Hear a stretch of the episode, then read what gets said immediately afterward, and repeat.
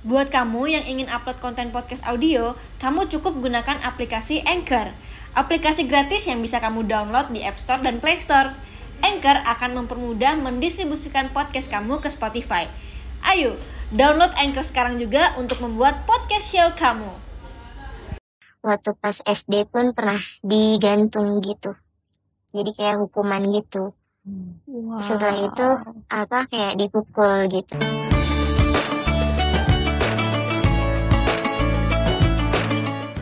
Halo semuanya, balik lagi di Kita Buka Praktek. Hari ini kita mau mendengarkan eh, cerita sharing dari teman kita yang menurut aku ini mungkin eh, kalian bisa dengar sebagai pelajaran dan juga kalau misalkan kalian emang ada di titik itu, kalian juga bisa belajar banyak karena hari ini aku juga eh, kembali mendatangkan psikolog dari Female in Action. Halo Kanadia. Halo Kak Gwite. Welcome back. Thank you banget nih udah datang ke sini. Jadi eh, semoga eh, di video ini nggak cuman kita mendengarkan sharing, tapi kita juga bisa lihat dari insight seorang psikolog supaya kita juga sama-sama bisa belajar kenapa bisa terjadi dan apa sih yang harus kita lakukan ke depannya. Anyway, mungkin sekarang saatnya kita mendengarkan dulu nih eh, cerita dari narasumber aku kali ini yang eh, katanya eh, mendapatkan toxic dari family ya mbak ya kalau bisa dibilang ya toxic dari family dan juga eh, dikurung terus katanya dipaksa nikah juga oleh ibunya sendiri. Kamu umur berapa kalau boleh tahu sekarang? Aku umur 23 tahun. oke. Awalnya gimana sih eh, tentang toxic di family kamu itu? Ya jadi awalnya itu emang aku dari kecil itu udah dapat kayak pukulan, makian dari orang tuaku gitu. orang tua as if eh, sorry papa mama atau dua-duanya Dua-duanya. dua-duanya Iya. Setelah itu, dengan berjalannya waktu, makin lama itu mereka makin main fisik. Eh, ngatain aku segala macem yang nggak pantas. Mukul aku, nunjuk aku, segala macam. Setelah aku lulus kuliah pun mas mereka masih melakukan itu gitu. Eh, kalau boleh tahu dari kecil tuh kecilnya tuh berapa? Apakah mungkin seumur lima tahun, apa waktu SD atau emang dari kecil banget emang sudah terbiasa di- diperlakukan seperti itu? Dari waktu TK sih, Dari waktu TK. iya. Jadi kayak apa pun kesalahannya kayak kesalahan kecil, main sama teman-teman gitu, pulang agak telat atau segala macam itu pasti selalu kena pukul, selalu kena apa sih namanya kayak cacian-cacian yang nggak baik gitu sampai waktu pas SD pun pernah digantung gitu. Sorry, digantung gimana nih maksudnya? Iya gantung jadi kayak tangan aku tuh digantung ke atas jadi kayak hukuman gitu. Setelah itu apa kayak dipukul gitu sama mereka jadi kayak mereka ngambil sapu atau ngambil benda-benda buat mukul itu setelah itu kayak dikurung gitu Wow. Jadi papa, mama kamu itu maksudnya sama-sama ya? Soalnya ini aku mungkin aku baru pernah denger nih Hmm. karena dia yang perta- pertama kali kayak biasanya mungkin yang toksik papanya atau mamanya. Tapi ini kalau misalkan mereka berarti dua-duanya itu benar-benar eh, apa ya melakukan toksik ke anaknya gitu. Oke, kalau kita tanya kan eh, kedua-duanya berarti ini melakukan toksik ke anaknya ya Heeh. gitu. Kita harus lihat juga sebenarnya dari kondisi kesiapan pada saat orang tua itu menikah, Oke. gitu kan. Ke- eh, umur berapa eh, mereka menikah, gitu kan? Apakah mereka pada saat memutuskan eh, untuk menikah ini sudah siap, gitu kan? Hmm. Baik secara finansial, secara eh, lahir dan batin itu, apakah sudah siap angkat hal itu, gitu. Apalagi ketika kita sebagai seorang perempuan, kita ketika kita sudah memutuskan untuk menikah, nanti kan peran kita kan berubah. jadi berubah kan nggak cuman kita doang yang kita urusin gitu Benar, tapi benar. ah, nanti ada suami ntar kalau kita punya anak kita punya eh, ngurusin anak kalau kita eh, bekerja juga kita ngurusin kerjaan kita nah itu yang harus kita eh, apa kita lihat lagi gitu kenapa melakukan itu apakah memang ada sesuatu nih eh, dia melakukan ini ke anak-anaknya gitu Oke. Eh, kamu anak keberapa? Sorry. aku anak pertama dari empat bersaudara Empat anak pertama dari empat bersaudara dan Iya. dan em, Pak, sorry kalau boleh tahu papa mama ngelakuin itu sama kamu doang atau sama semuanya? sama semuanya tapi lebih dominan ke aku Nah fenomena ini juga sering banget nih kak aku Hmm. dapetin jadi kayaknya anak pertama tuh yang memang jadi bantalan gitu. Hmm. Setiap kali aku tanya enggak sama adik-adikku biasa aja sama Hmm. aku doang nih kakak kakak pertama itu ada apa nggak yang yang Nah. kemungkinan terjadi? Kalau ditanya eh, ada kemungkinan apa sih yang terjadi gitu kan terhadap eh, apa namanya terhadap anak pertama ini? Hmm. jadi kesannya kan ke- kesannya kok oh anak pertama terus sih Iya. yang yang kena gitu kan? Se- eh, padahal ada adik-adiknya nih gini. Nggak eh, nggak hanya anak pertama sebenarnya yang kena. Mungkin karena gini posisinya banyak yang terlihatnya di anak pertama nih Hmm. gitu kan. Tapi sebenarnya ada juga di anak kedua atau ketiga atau anak keberapa yang kita nggak tahu gitu. Cuman memang karena eh, dia kan anak yang pertama kali lahir Hmm. ya kan? Dan eh, ya sudah eh, dia cara melampiaskannya ke mana nih? Dia bingung juga gitu. Mungkin orang tuanya lagi capek apa segala macam nggak ada support sistem dari keluarga yang lain entah itu misalkan apalagi kalau perempuan ya kita misalkan suaminya nggak ada support untuk dia gitu dia udah capek di rumah eh, dia capek di kantor gitu ngurusin suaminya juga. Belum lagi misalkan ada eh, permasalahan dengan orang tuanya atau de- atau dengan mertuanya gitu kan. Akhirnya ketika anaknya kayak mama aku mau ini dong. Udah deh kamu diem aja. Itu kan kelepasan juga dia gitu. Akhirnya eh, karena gini eh, kita pun sendiri harus bisa meregulasi diri kita gitu. Kalau kita nggak bisa meregulasi diri kita gimana kita untuk mengontrol? Gitu. Anak kecil itu sensitif loh. Kalau misalkan kita lagi eh, apa ya kayak misalkan kita lagi nggak enak aja gitu terus udah gitu kita harus eh, ngobrol sama dia dia ngerasa Oke. Jadi padahal sebenarnya nggak ada maksud apa pun malah ngerasa kok dia kok mama kayak gini sama aku gitu ya. Hmm, gitu. Karena mungkin gini, dia kan belum eh, pada saat itu dia nggak bisa meregulasi dirinya dia ya gitu. Jadi dia akhirnya keluarlah emosi negatifnya itu. Oke, wow. Oke. Kalau aku boleh tanya lagi ceritanya mungkin em, buat teman-teman biar ke gambar juga apa sih perlakuan eh, papa mama kamu selain yang tadi mungkin tangannya digantung, ada lagi nggak yang lain? Waktu terakhir kali aku pergi dari rumah itu aku sempat ditonjok Oke, kamu pergi dari rumah Ka- kapan? tahun kemarin Tahun kemarin. iya aku ditonjok handphone aku dibanting jadi benar-benar kayak setelah aku nolak untuk pergi sama salah satu cowok yang mungkin mau dijodohin sama aku ini gitu. Jadi ya kayak gitu. Mereka kayak protes gitu. Setelah itu seminggu setelah handphone aku waktu itu diperbaikin juga minggunya itu aku langsung pergi dari rumah. Oke, intensitas eh dipukulin atau diapain itu atau at least dimarahin itu eh, sering banget kah? Sering sih, bisa disebut sering sih iya. Karena kayak misalkan aku ngelakuin apa pun yang salah di mata mereka, pasti ada aja omongan yang nggak ngenakin ke aku gitu. Ntar tiba-tiba kayak main pukul atau main tendang atau kayak gimana gitu. Pasti selalu. Nah itu papa dan mama ngelakuin secara bersamaan kadang. Kalau mama itu lebih ke mulut ya, di mulut. Dan apa kalau papa tuh main fisik. Wow. Fisik juga, mulut juga iya Wow. gitu.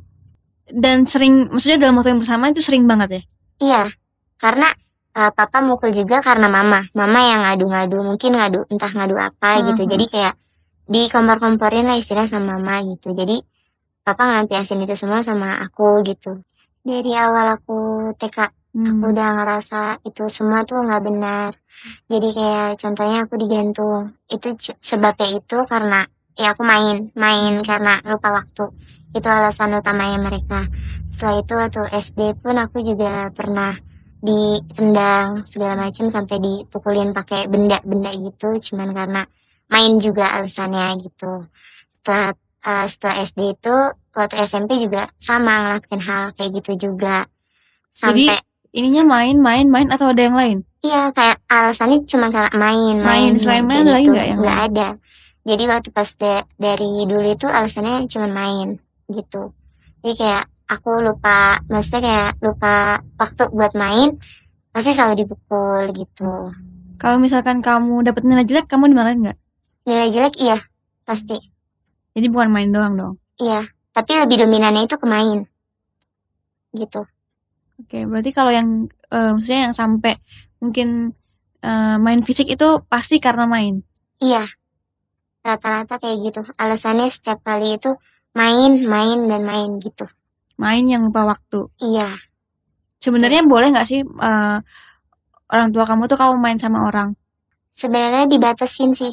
Jadi kayak misalkan aku main gitu Mm-mm. aku tuh nggak boleh main sama orang banyak. Jadi aku Hmm. harus selalu dibatasin. Main tuh sampai sini aja sampai sini aja kayak gitu. Oke, tapi sebenarnya kan kalau aku boleh bilang banyak juga ya orang tua yang memang membatasi anaknya main. Hmm. Nah, itu kan mungkin karena ada satu dan lain hal ya, Hmm. Kak ya. Tapi gimana ya menurut aku mungkin itu ada yang ada yang ke arah disiplin sama yang mungkin ini salah kali ya. Ya, jadi kayak tadi kan ke, kayak Kak Grita bilang juga bahwa kalau misalkan arah main ini ada yang disiplin, ada juga yang arahnya eh, apa namanya? Makin bangkang. Nah, gitu. Kita kan ngebangkang. Hmm. Nah, ini kan mesti kita lihat juga kan. Mhm, eh dia mainnya kayak gimana sih mhm, gitu. Sampai orang tuanya marahin kayak gini Hmm. gitu. Apakah misalkan menurut orang tuanya eh yang dia lakukan ini, main yang dia lakukan ini udah melewati batas. Mm-mm. Kita kan nggak tahu mhm. gitu kan. Nah, makanya kalau dia selalu bilangnya adalah main karena main karena main. Nah, mainnya seperti apa sih Iya. gitu. Terkadang kan anak-anak anak-anak kecil kan juga main gitu kan. Kita kan nggak tahu ya, entah Mhm. misalkan main apa tuh main di tanah apa segala main tanah atau apa gitu ya Main sampai bajunya temen. kotor gitu kan sama temen-temennya. Nah, itu kan juga mungkin tuh kan jadinya bajunya kotor, kamu sih main eh, apa mainnya main hujan-hujanan Mhm. gitu kan. Nah, itu mungkin disang, eh, bisa dibilang juga sebagai menurut orang tua adalah orang udah dikasih tahu kalau hujan pulang gitu, bukannya pulang malah kamu ma- main. Nah, Mhm. itu juga bisa kan. Nah, ini berarti kita harus tahu nih konteks yang dia bilang adalah dimarahinnya karena main, mainnya yang seperti apa sih? Walaupun tindak kekerasan itu udah pasti salah. Mm-mm, Tapi betul. mungkin kalau main tuh seperti apa sih? Karena aku pribadi dari kecil juga benar-benar dibatasin untuk mainnya Hmm. karena kayak main ke rumah temen aja nggak boleh, terus Hmm. diteleponin terus gitu. Jadi menurut aku mainnya ini tuh main seperti apa sih sampai yang bisa bikin orang tua kamu tuh bisa main fisik sama Hmm. kamu? mainnya itu kalau menurut aku masih wajar ya karena mainnya tuh di depan lapangan gitu Hmm. dekat rumah Heeh. jadi setiap kali misalkan ngelewatin batas waktu atau misalkan pulang sore gitu kan terus ngelewatin sedikit lah mereka manggil langsung mukulin kayak gitu aja sih dari waktu TK itu sampai SD gitu Kalau aku boleh tahu, biasanya kan ya tadi aku bilang antara jadi disiplin atau jadi malah membangkang gitu kan. Hmm. Kalau disiplin misalkan dimarahin sekali dua kali gitu, ya udah biar nggak dipukulin, aku nggak usah pulang lewat dari jam yang ditentukan. Iya. Bener nggak? Iya. Tapi kamu eh, kalau berkali-kali berarti kamu melakukan kesalahan yang sama, bener nggak? Iya. Nah itu kamu kenapa sih kok? Kenapa nggak kamu? Ya udah kalau pulang suruh pulang jam 6, ya udah aku pulang jam 6, nggak usah jangan lebih.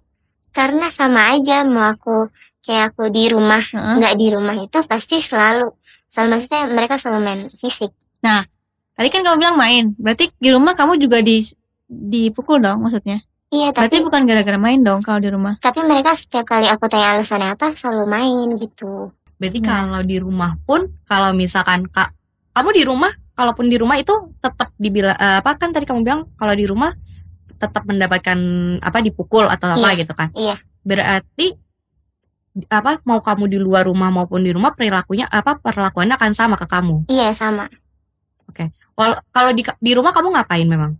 aku di rumah ya beres-beres ya udah mending main ngelewatin batas waktu tapi dipukulin gitu sama aja gitu dulu mikirnya kayak gitu Hmm, oke.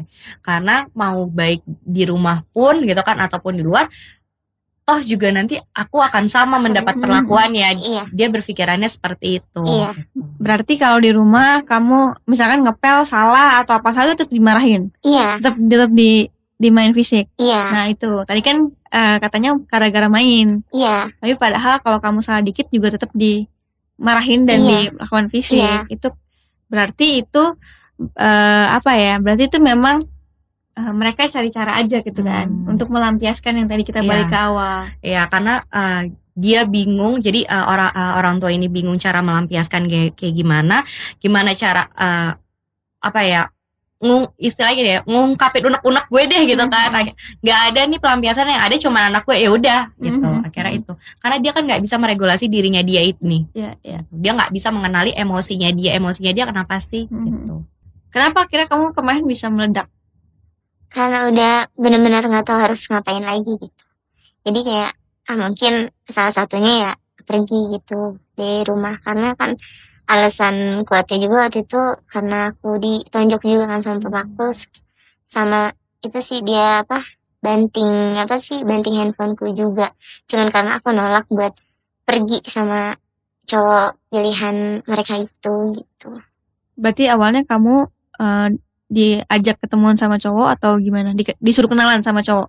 Proses awalnya itu emang aku nggak tahu bener-bener nggak tahu mereka kenalnya gimana. Cuman pas waktu pas mau kenalan itu aku cuma diajak ke tempat kerjanya dia aja. Tapi emang aku bener-bener nggak tahu itu maksudnya tujuannya itu apa. Karena aku cuma disuruh buat anterin mamaku buat antar barang buat kirim paket gitu. Terus setelah itu? setelah itu emang ada salah satu cowok yang nanya aku. Maksudnya langsung kayak eh, nama aku gitu. Hmm. kayak aku lulusan mana gitu sama fakultas aku jadi kayak aku tuh kaget gitu Hmm. ternyata pas sampai rumah mamaku bilang ini loh anaknya baik gini-gini segala macem dia bilang apa namanya orang tuanya udah nggak ada kayaknya eh, dia ini deh apa serius deh sama kamu kayak gitu langsung kayak gitu Kalau misalkan ini kan berarti kan perjodohan ya, Iya. Eh, maksudnya kan perjodohan. eh, tapi kita nggak tahu nih. eh, tadi kan kalau nggak salah eh, mbaknya sempat bilang awalnya suruh ikut packing ya mbak ya, Iya. sama ibunya Heeh. disuruh ikut packing, terus udah gitu eh, nganterin barangnya, ketemulah sama laki-laki ini gitu kan. Nah ada kemungkinan eh, pertama adalah ibunya sudah mengenal orang ini, ya kan? Atau memang orang ini yang udah mengenal ibunya Ya. gitu kan kita kan nggak tahu sampai akhirnya ada proses eh, perjodohan ini terjadi.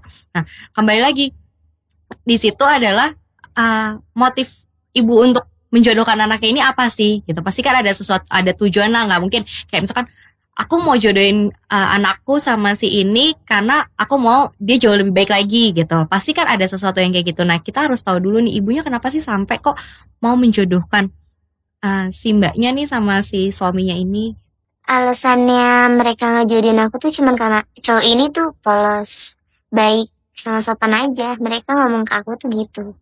Tapi di ba- di belakangnya mereka itu aku nggak tahu maksud mereka itu apa aku nggak ngerti. Karena mamaku ini sampai kayak bawa-bawa aku ke dukun segala macam sampai minta-minta ke orang orang-orang pinter gitu aku nggak ngerti buat biar aku tuh suka sama si cowok ini gitu loh. Nah ini kamu tuh dari mana nih? Mama kedukun segala macam. karena aku tahu aku ngelihat dari chat dia sama aku juga punya bukti-buktinya juga karena aku waktu sebelum mau diitin sebelum dibawa ke dukun itu ada si cowok itu juga nganter. Gitu loh sampai mamaku tuh minta tolong sama si dukun itu buat bikin aku suka sama dia gitu. Pakai cara apa pun mamaku bilang kayak gitu. Jadi waktu itu kan aku pergi dari rumah kan. Pergi dari rumah aku emang sempet di daerah arah Jakarta. Hmm. aku ngekos di situ. Aku cari kerja lah istilah katanya gitu. Eh, setelah cari kerja aku udah kerja pas November kemarin baru satu bulan kerja mereka kayak cari alamat aku gitu kan. Setelah cari alamat aku disesuaikan sama mereka mereka tarik tarik aku. Setelah pulang kerja itu tarik tarik aku kayak orang diculik bahkan sempat mau ditampar di tempat umum juga. Jadi kayak mereka alasan ke kayak security-nya gitu bilang katanya mamaku tuh sekarat gitu. Setelah aku sampai rumah mamaku tuh nggak kenapa-kenapa gitu kan Setelah sampai saat itu aku udah gak ada komunikasi sama sekali. Handphone aku diambil aku bener-bener dikurung di dalam kamar. Bener-bener nggak boleh ng- ngelakuin aktivitas apa pun nggak ada komunikasi sama sekali. Sampai mereka tuh ngajak orang-orang pinter buat ke rumah gitu. Bilang katanya tuh aku sakit lah diguna-guna sama orang segala macem. Malah mereka ngefitnahnya itu yang guna-guna aku itu cowok aku yang lama gitu. Nah setelah itu kamu dikurung selama tiga bulan hampir tiga bulan ti- tiga bulan. jadi dari Desember awal Desember sampai Februari kemarin hampir tiga bulan Itu kamu benar-benar gak keluar kamar sama sekali. Cuma Nggak. dikasih. nggak nggak keluar kamar sama sekali Jadi dikasih sorry ya, maksudnya kayak makan segala macam dikasih aja gitu. Eh, dikasih makan kayak misalkan kalau aku mau keluar aja gitu keluar dari kamar gitu jadi kayak aku cuman keluar kamar ya cuman mandi kalau pengen makan ya aku makan gitu kalau enggak ya aku di kamar aja Oke, tapi kamu nggak bisa keluar rumah. nggak bisa karena Kenapa?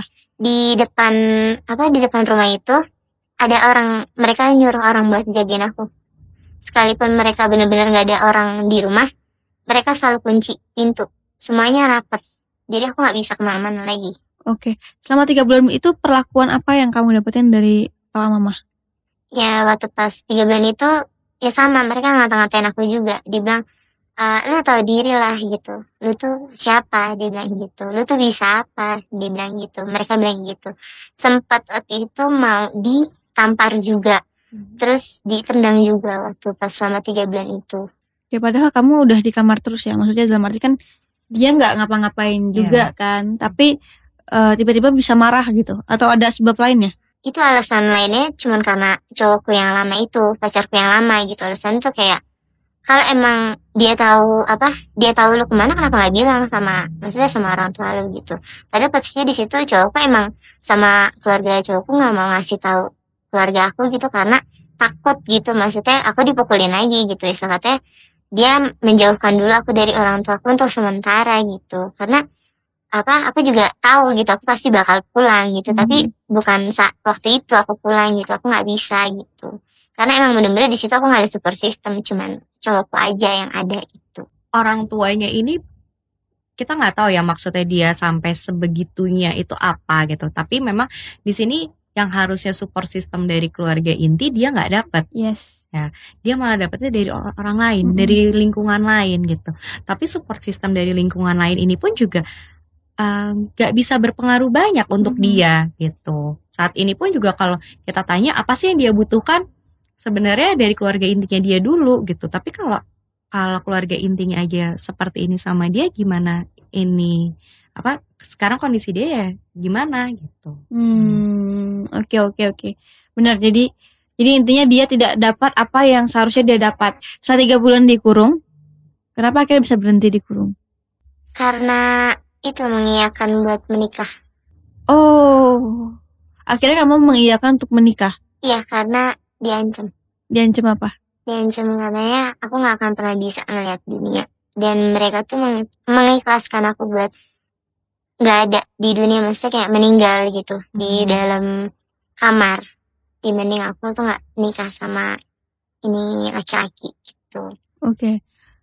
Berarti kalau misalkan mungkin aku bisa tebak berarti selama tiga bulan itu kamu di encourage kamu disuruh "Lu mau keluar nggak? Kalau lu mau keluar nikah is- inti in- intinya gitu. Iya. Jadi pokoknya ngomongnya tuh selalu kayak gitu. Kalau misalkan lu lu mau ngeliat kayak melihat matahari atau segala macam ya lu harus sama dia gitu. Kalau enggak ya udah. Lu nggak lu nggak bisa ngeliat apa apa oke wow. Akhirnya kamu mengikhlaskan diri kamu kamu mengiyakan iya. demi melihat dunia. Atau mungkin ada maksud lain? Eh, karena aku emang pengen kerja banget ya karena aku Hmm. emang belum pernah apa maksudnya belum puas gitu ngerasain kerja karena baru kayak baru beberapa bulan kerja udah langsung ditarik mereka selalu apa sih namanya selalu menghalangi semua semua cara gitu biar aku tuh tetap stay sama mereka gitu Oke, nah mungkin dari sisi mana dia bisa dijelaskan juga ya karena eh, ini kan berarti ada perubahan signifikan nih ketika cowok itu datang gitu. Hmm. Ya, maka kan eh, di sini eh, berarti kan si cowok ini punya pengaruh ya Benar. terhadap eh, keluarga, terutama orang tuanya si Hmm. mbaknya ini gitu kan, Hmm. sampai membuat eh, dia memaksakan banget nih kehendaknya untuk menikahkan anak ini sama si cowok ini gitu. Uh-uh. Berarti kan ada sesuatu kita kan, nah itu yang harus kita cari tahu juga. Kenapa sampai orang tuanya ini memaksakan sih kehendaknya itu gitu?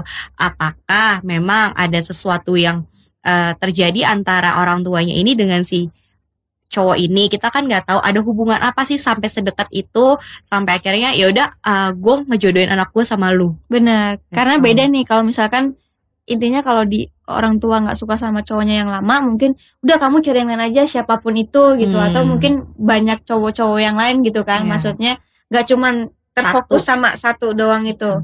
dan posisinya orang tuanya ini pun juga sama pacarnya eh, mbaknya yang lama ini kan udah kenal ya Iya. gitu. Dan kayaknya nggak ada masalah gitu. Mm-mm. Tapi- terus tiba-tiba dia muncul eh, si cowok yang baru ini muncul terus kayak yaudah pokoknya lo harus nikah sama ini. Nah berarti kan ada sesuatu. Nah itu yang harus kita tahu dulu. Ini kenapa? Gitu. Ada ada sebabnya apa ada sebab dan akibat? Nggak mungkin enggak pasti kayak gitu Eh, itu udah pernah cari tahu apa belum? Atau eh, mungkin nanya kenapa sih harus sama dia? Atau selain polos, lugu tadi atau segala macam, mungkin kamu bisa korek-korek orang tua kamu lagi? cuman itu aja jawaban mereka gitu cuman aku nyari tahu si cowok itu ya sendiri gitu Hmm. dibantu sama apa pacarku yang lama gitu jadi yang mereka omongin ke tetangga-tetangga apa mama papaku bilang katanya eh, si cowok ini adalah bos salah satu logistik gitu di daerah sana. Nggak taunya tuh bukan gitu. Ternyata Hmm. cuman kayak kurir gitu. Dan keluarganya pun katanya bilang keluarganya berpendidikan padahal nggak seberpendidikan itu gitu. Sampai apa namanya aku cari tahu semuanya tuh sendiri. Hmm. setelah aku ngomong sama mamaku bahwa sebenarnya keluarga mereka nggak kayak gitu kok. Tapi kok kenapa gitu? Ngomongnya tuh terlalu dilebih-lebihkan gitu kan.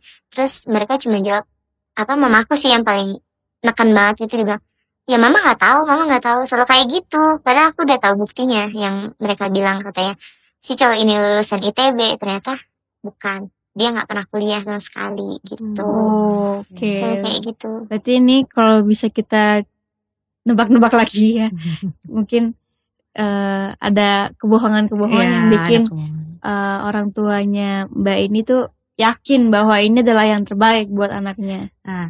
antara dua berarti kan kita kemungkinannya ya antara memang eh, orang tuanya mbaknya nggak tahu Mhm. dengan kebohongan yang sudah dia buat atau tahu tapi menutupi itu. Hmm, Nah, jadi kayak akhirnya kebongkar terus thanksin gitu kan. Ya ya udah. ya udah oke. gitu. Jadi jadi gue pura-pura nggak tahu nih gitu. Nah, itu kan juga Benar. kita nggak tahu ya. Oke oke paham. Oke, akhirnya kamu memutuskan untuk menikah Iya dan kemudian lima hari eh, kamu cabut lagi ya. Eh, kapan kamu menikahnya itu? Februari kemarin Oh baru Februari kemarin. Iya. ya? setelah menikah lima hari itu aku apa pergi pergi lagi tapi ke rumah salah satu saudara Oke. Kenapa kamu memutuskan untuk pergi?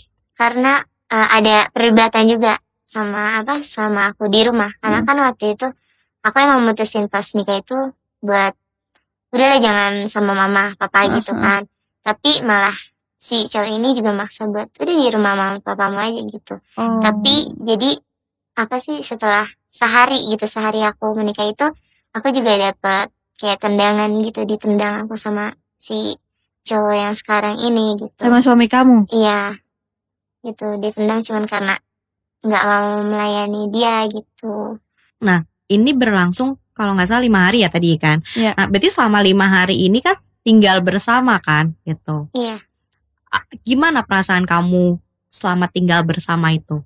sama su- suaminya sekarang ya aku ngerasa oh ya aku nggak bisa kayak istri sih yang lain gitu maksudnya ngelayanin dia atau segala macam aku nggak aku nggak bisa hati aku selalu nolak jadi setiap kali ya aku nggak mau tidur bareng sama dia kayak misalkan aku tidur di depan TV aku selalu dipaksa tidur bareng sama dia gitu loh. Jadi ya aku selama lima hari itu aku cuma bisa nangis sholat kayak gitu aja. Maksudnya minta gitu gimana. Caranya biar aku tuh nggak ada di situ gitu. Sampai terakhir kali pas lima hari itu aku debat sama apa mama papaku sampai dibilang lu tuh nggak kalau misalkan nggak sama dia lu bakal apa melarat gitu dia bilang gitu jadi aku memutuskan buat yaudah pergi dulu deh nena istilahnya menangin pikiran gitu karena emang benar-benar nggak ada support system apa pun dari Benar. kemarin-kemarin Dan pas pergi pun eh, berarti sudah nggak ada tuh orang yang jagain ya. nggak ada jadi pas eh, pas aku mengiyakan semua yang mereka mau kayak aku dibeliin kayak langsung di DP-in handphone gitu loh Hmm. jadi langsung ada handphone baru gitu sampai apa sih namanya katanya aku dijanjin aku boleh kerja lagi segala macam pas di lima hari itu emang posisinya aku emang mau interview interview kerja tapi papa mamaku nahan. Nahan katanya ngapain sih apa namanya kerja dia bilang gitu kan. Apa setelah menikah 40 hari itu nggak boleh ke mana-mana segala macam padahal itu nggak nggak kenapa-napa kan. Detik ini pun aku cuma dikasih 150 ribu buat eh dari si cowok yang sekarang. Dan aku nggak dikasih apa nafkah apa pun. Tapi kamu masih kontekan? kontekan enggak. Aku nggak pernah kontekan sama keluarga aku sama sekali. Nggak sama so enggak nggak kontekan apa pun. Terus dikasih sama ribu dari mana?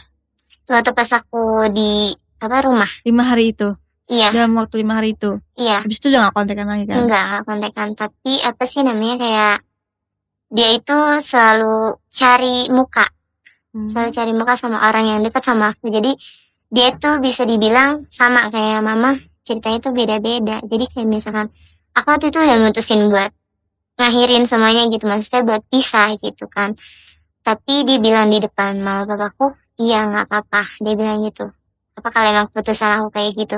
Tapi setelah selang beberapa minggu dia omongannya beda lagi gitu. Nah ini eh, mungkin terakhir ya.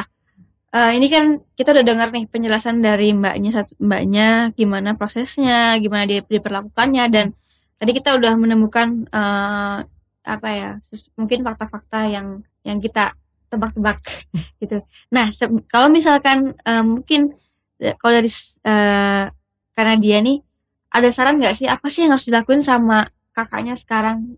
Oke, kalau Karena saran kalau aku jadi aku bakal bingung juga sih Hmm. sebenarnya. ya kalau sekarang memang kan dia harus ada butuh uh, Support system. support sistemnya dulu gitu kan yang harusnya dia dapat dari keluarga tapi dia nggak dapat berarti Hmm. kita- dia harus mencari orang yang benar-benar bisa paham sama dia gitu bisa nerima dia dan memang bisa dipercaya itu Hmm. yang utamanya dulu jangan sampai dia cerita ternyata orang yang udah diceritain nih ngebuka masalahnya dia Hmm. gitu. Berarti kan kita harus cari dulu support system yang memang benar-benar bisa nerima dia, bisa ngertiin dia dan bisa dia percaya gitu. Nah, dari situ kita tanya lagi, kamu maunya sekarang gimana? Ke depannya maunya apa? Gitu kan. Kalau misalkan aku mau kayak gini-gini, oke, butuh bantuan profesional nggak? Kalau memang butuh, cari bantuan profesional itu. Hmm.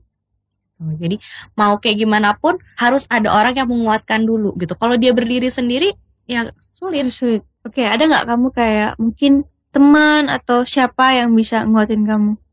nggak ada cuman sendiri aja jadi semua yang deket sama aku pada ngejauhin aku.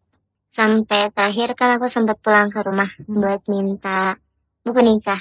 Itu nggak dikasih sama sekali. Malah mereka itu nyuruh aku buat beli materai. Materai untuk perjanjian buat aku menyetujui untuk mereka ngebunuh ngebunuh keluarga cowokku yang lama gitu. Maaf, maksudnya membunuh? Iya. Gimana?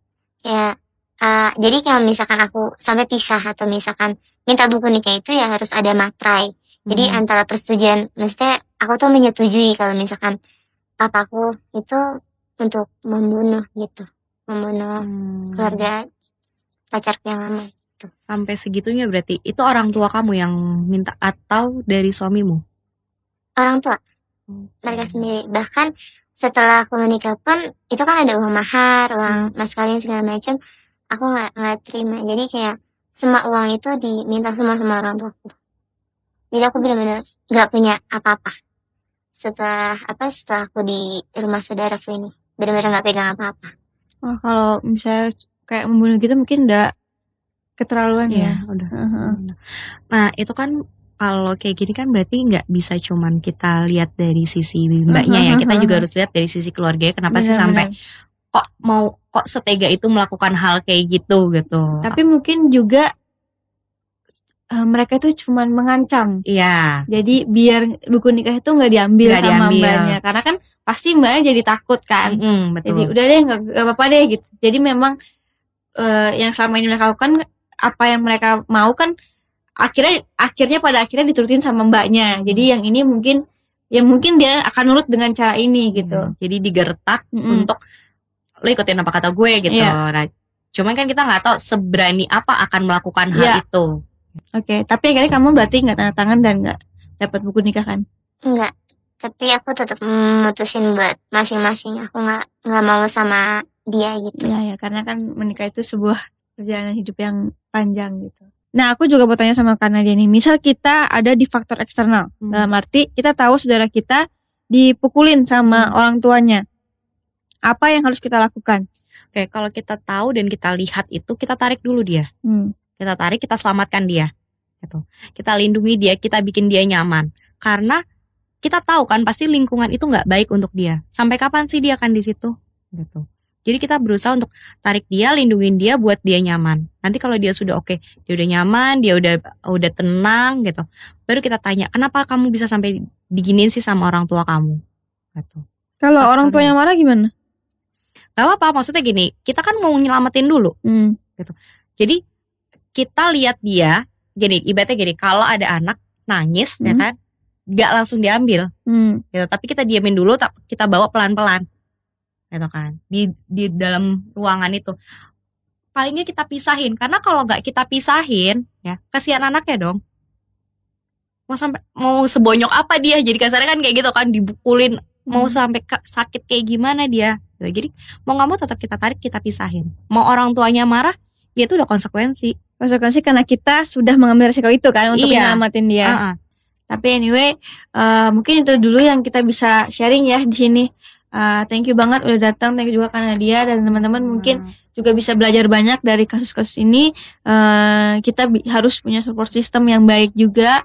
Dan kalau misalkan kalian eh, belum nemuin itu di mana pun, kalian bisa bisa datang ke profesional atau bisa download Vima in Action di App Store atau juga di Play Store. Nanti akan ada psikolog yang bisa bantu kalian dan data kalian tuh pasti aman banget. Oke, thank you banget. Sampai ketemu di video berikutnya teman-teman. Bye bye. Nonton sampai habis ya. Makasih ya. Jangan lupa follow Instagram aku di sini dan nonton video lainnya di sini.